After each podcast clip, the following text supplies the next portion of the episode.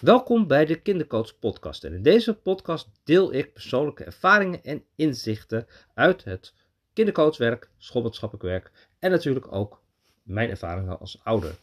En vandaag wil ik met jou aan de slag met kinderspelmaterialen, want daar zijn er best wel wat van op de markt. Je kan denken aan eigenwijsjes, je kan denken aan kwaliteitenspel, babbelspel, stop, denk, doe.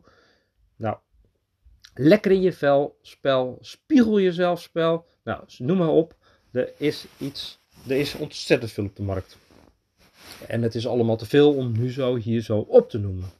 Maar ja, al die kaartjes, die hebben ook wel iets magisch. En dat is ook wel handig om te gebruiken. En voor kinderen, want het is natuurlijk, je, doet een, uh, je, je maakt een stapeltje of zo en kinderen mogen een kaartje kiezen en daar komt dan iets uit en daar kan je het dan over hebben. En zo heb je dan een leuk gesprek. En dat is natuurlijk wel, uh, nou dat kan heel helpend zijn. En ik weet wel, zeker in de beginfase van het schoolmaatschappelijk ging ik ook wel een beetje leunen op deze kaartjes, omdat die mij gewoon ook hielpen om het gesprek met kinderen aan te gaan. En uh, nou, en zo vond ik ook mijn weg. En deze kaartjes, nou, die waren ook prima inzetbaar. Ik heb ook best wel mooie doelen ook kunnen behalen met die kaartjes. Het grote, grote nadeel, wat ik in ieder geval wel ontdekt heb met die kaartjes, is dat het ja, eigenlijk aanbod gestuurd is. En daar bedoel ik dan eigenlijk mee dat die kaartjes dus niet van binnenuit van het kind komen, maar van buiten. Dus eigenlijk um, nou ja, zo'n kaartje, uh, ik stuur op zo'n kaartje en het kind gaat vervolgens associëren op zo'n kaartje of daarop reageren. En wat je dus dan wel krijgt, het kind noemt wel een vertel iets. En dat is soms ook gewoon ook best belangrijk wat een kind vertelt. Maar het komt niet rechtstreeks uit die binnenkant van het kind. Het is niet dat wat het kind eigenlijk zelf verzonnen heeft. Dat is dan ook gelijk eigenlijk het nadeel, want uh, in mijn werk probeer ik elke keer het contact te maken met kinderen met het gevoel wat er aan de binnenkant is. En op het moment dat je vanaf de buitenkant komt en je stuurt eigenlijk als het ware het kind ook naar de buitenkant met die kaartjes, dan ben je dus niet meer bij dat gevoel. Dus ja, dat is dan wel gelijk een lastige van wat ben je dan aan het doen? Ben ik dan ook het gevoel aan het oplossen? En wat ik ook vaak merk is dat je soms ook daardoor dus op een zijspoor zit bij kinderen.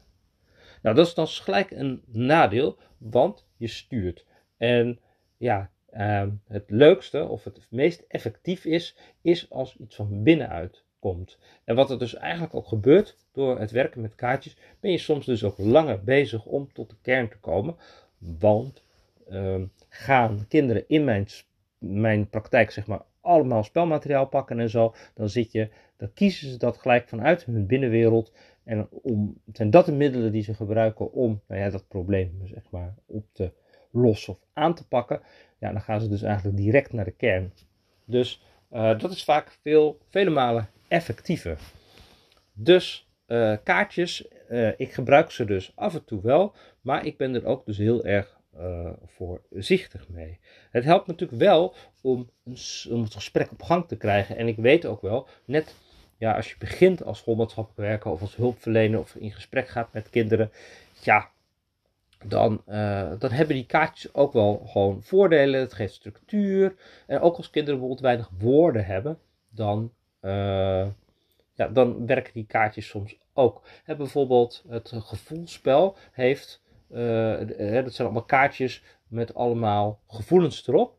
Nou, dat is op zich wel mooi, omdat dat dan wel helpt om kinderen dan ook weer de woorden te geven aan gevoelens. Dus als je die dan zo gaat uit, uh, uitstallen en uh, uh, kinderen de gevoelens laat kiezen, welke ze veel ervaren, ja, dan ehm, wordt natuurlijk hun ehm, woordenschat natuurlijk enorm uitgebreid. Dus ze hebben, gaan ook meer woorden krijgen om over gevoelens te praten. Dat is natuurlijk mooi. En ja, als je dat spel hebt, dan kan je het een beetje. Het bestaat uit de positieve negatieve gevoelens.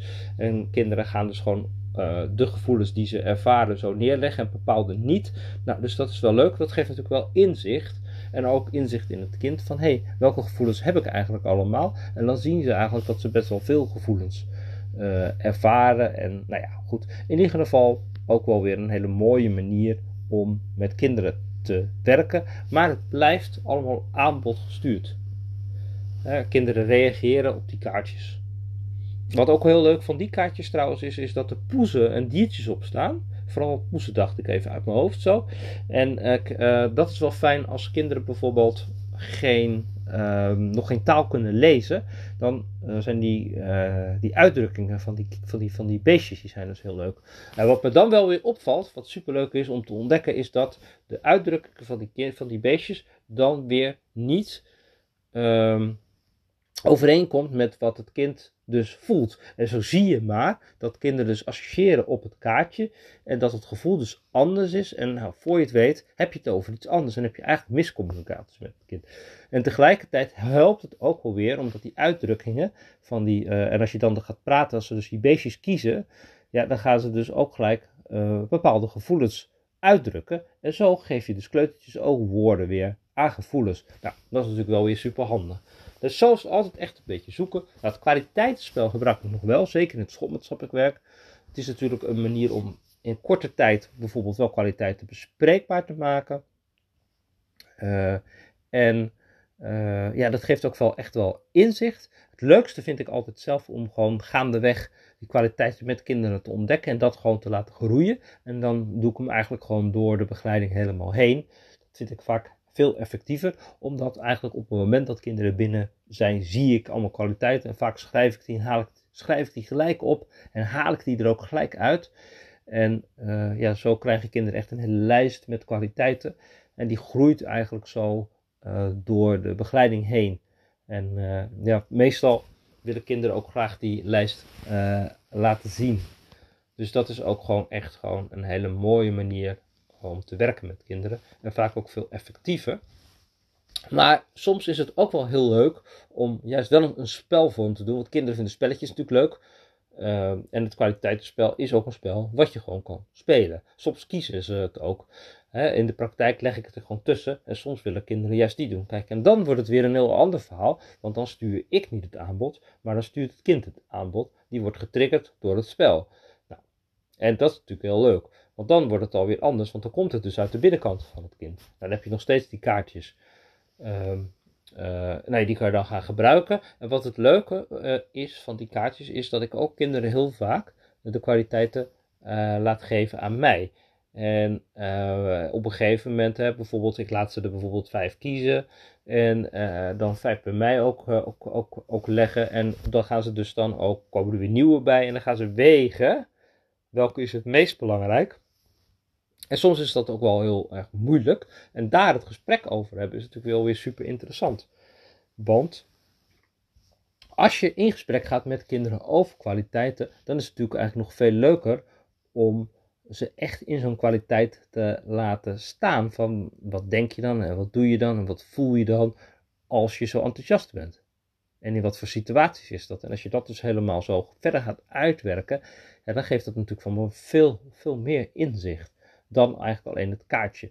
Want mijn ervaring is ook, als je dus die kaartjes gewoon gaat doen, dus plakken ze op, dan zie je dat het niet blijft beklijven. Het is wel even een leuk moment, geeft even een goed gevoel. Nou, dat is natuurlijk ook waardevol.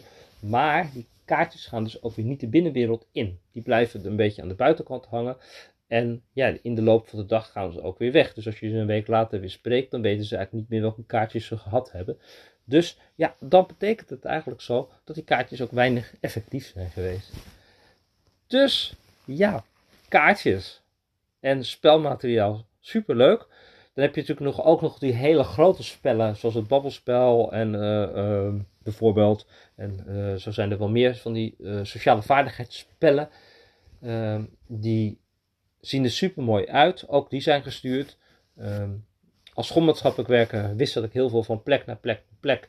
En dan, ja, dan heb ik geen vaste plek om die spelletjes te spelen. Um, een spelletje spelen is natuurlijk ook wel echt leerzaam als je een groepje hebt. Hè, dan is het ook meer geschikt. Ja, um, er zitten natuurlijk wel oefeningen in, in die spellen. Nou, die, die oefeningen die zijn ook wel uh, uh, ja, leuk om te doen. Maar ja, je kan natuurlijk ook gewoon zelf rollenspellen spelen. En in het spel eh, situaties spelen die precies geschikt zijn voor het kind. Dus al met al, uh, ja, in de afgelopen jaren uh, gebruik ik eigenlijk die spellen dus echt helemaal weinig. Zien er leuk uit, maar ja, ik ga toch eigenlijk liefst voor de binnenwereld voor het kind. En uh, ja, eigenlijk liever werk ik niet aanbodsgestuurd. Dus ik leg eigenlijk liever niet het aanbod al klaar en dat ze daarop gaan associëren. Ik wil eigenlijk echt gewoon helemaal de woorden en de taal en uh, uh, het verhaal van het kind eigenlijk horen. En liefst zo neutraal mogelijk. Echt vanuit de binnenwereld. En, uh, want dat helpt mij heel erg om echt tot de kern te komen. Ja, mocht je vragen hebben hè, over deze podcast en misschien heb jij wel fantastische verhalen over kwaliteit, kaartjes en middelen. Nou, super, want ik eh, ken ook heel veel collega's die ze ook met heel, heel graag uh, gebruiken, met heel veel plezier gebruiken. En ja, er zijn zeker ook hele mooie dingen mee te doen. Zeker waar. Um, ja, en uh, voor mij geldt dat ik eigenlijk merk dat ik ze niet zo superveel gebruik. Nou, ik wens je in ieder geval een hele fijne dag vandaag. En dan spreek ik jou weer bij een volgende podcast.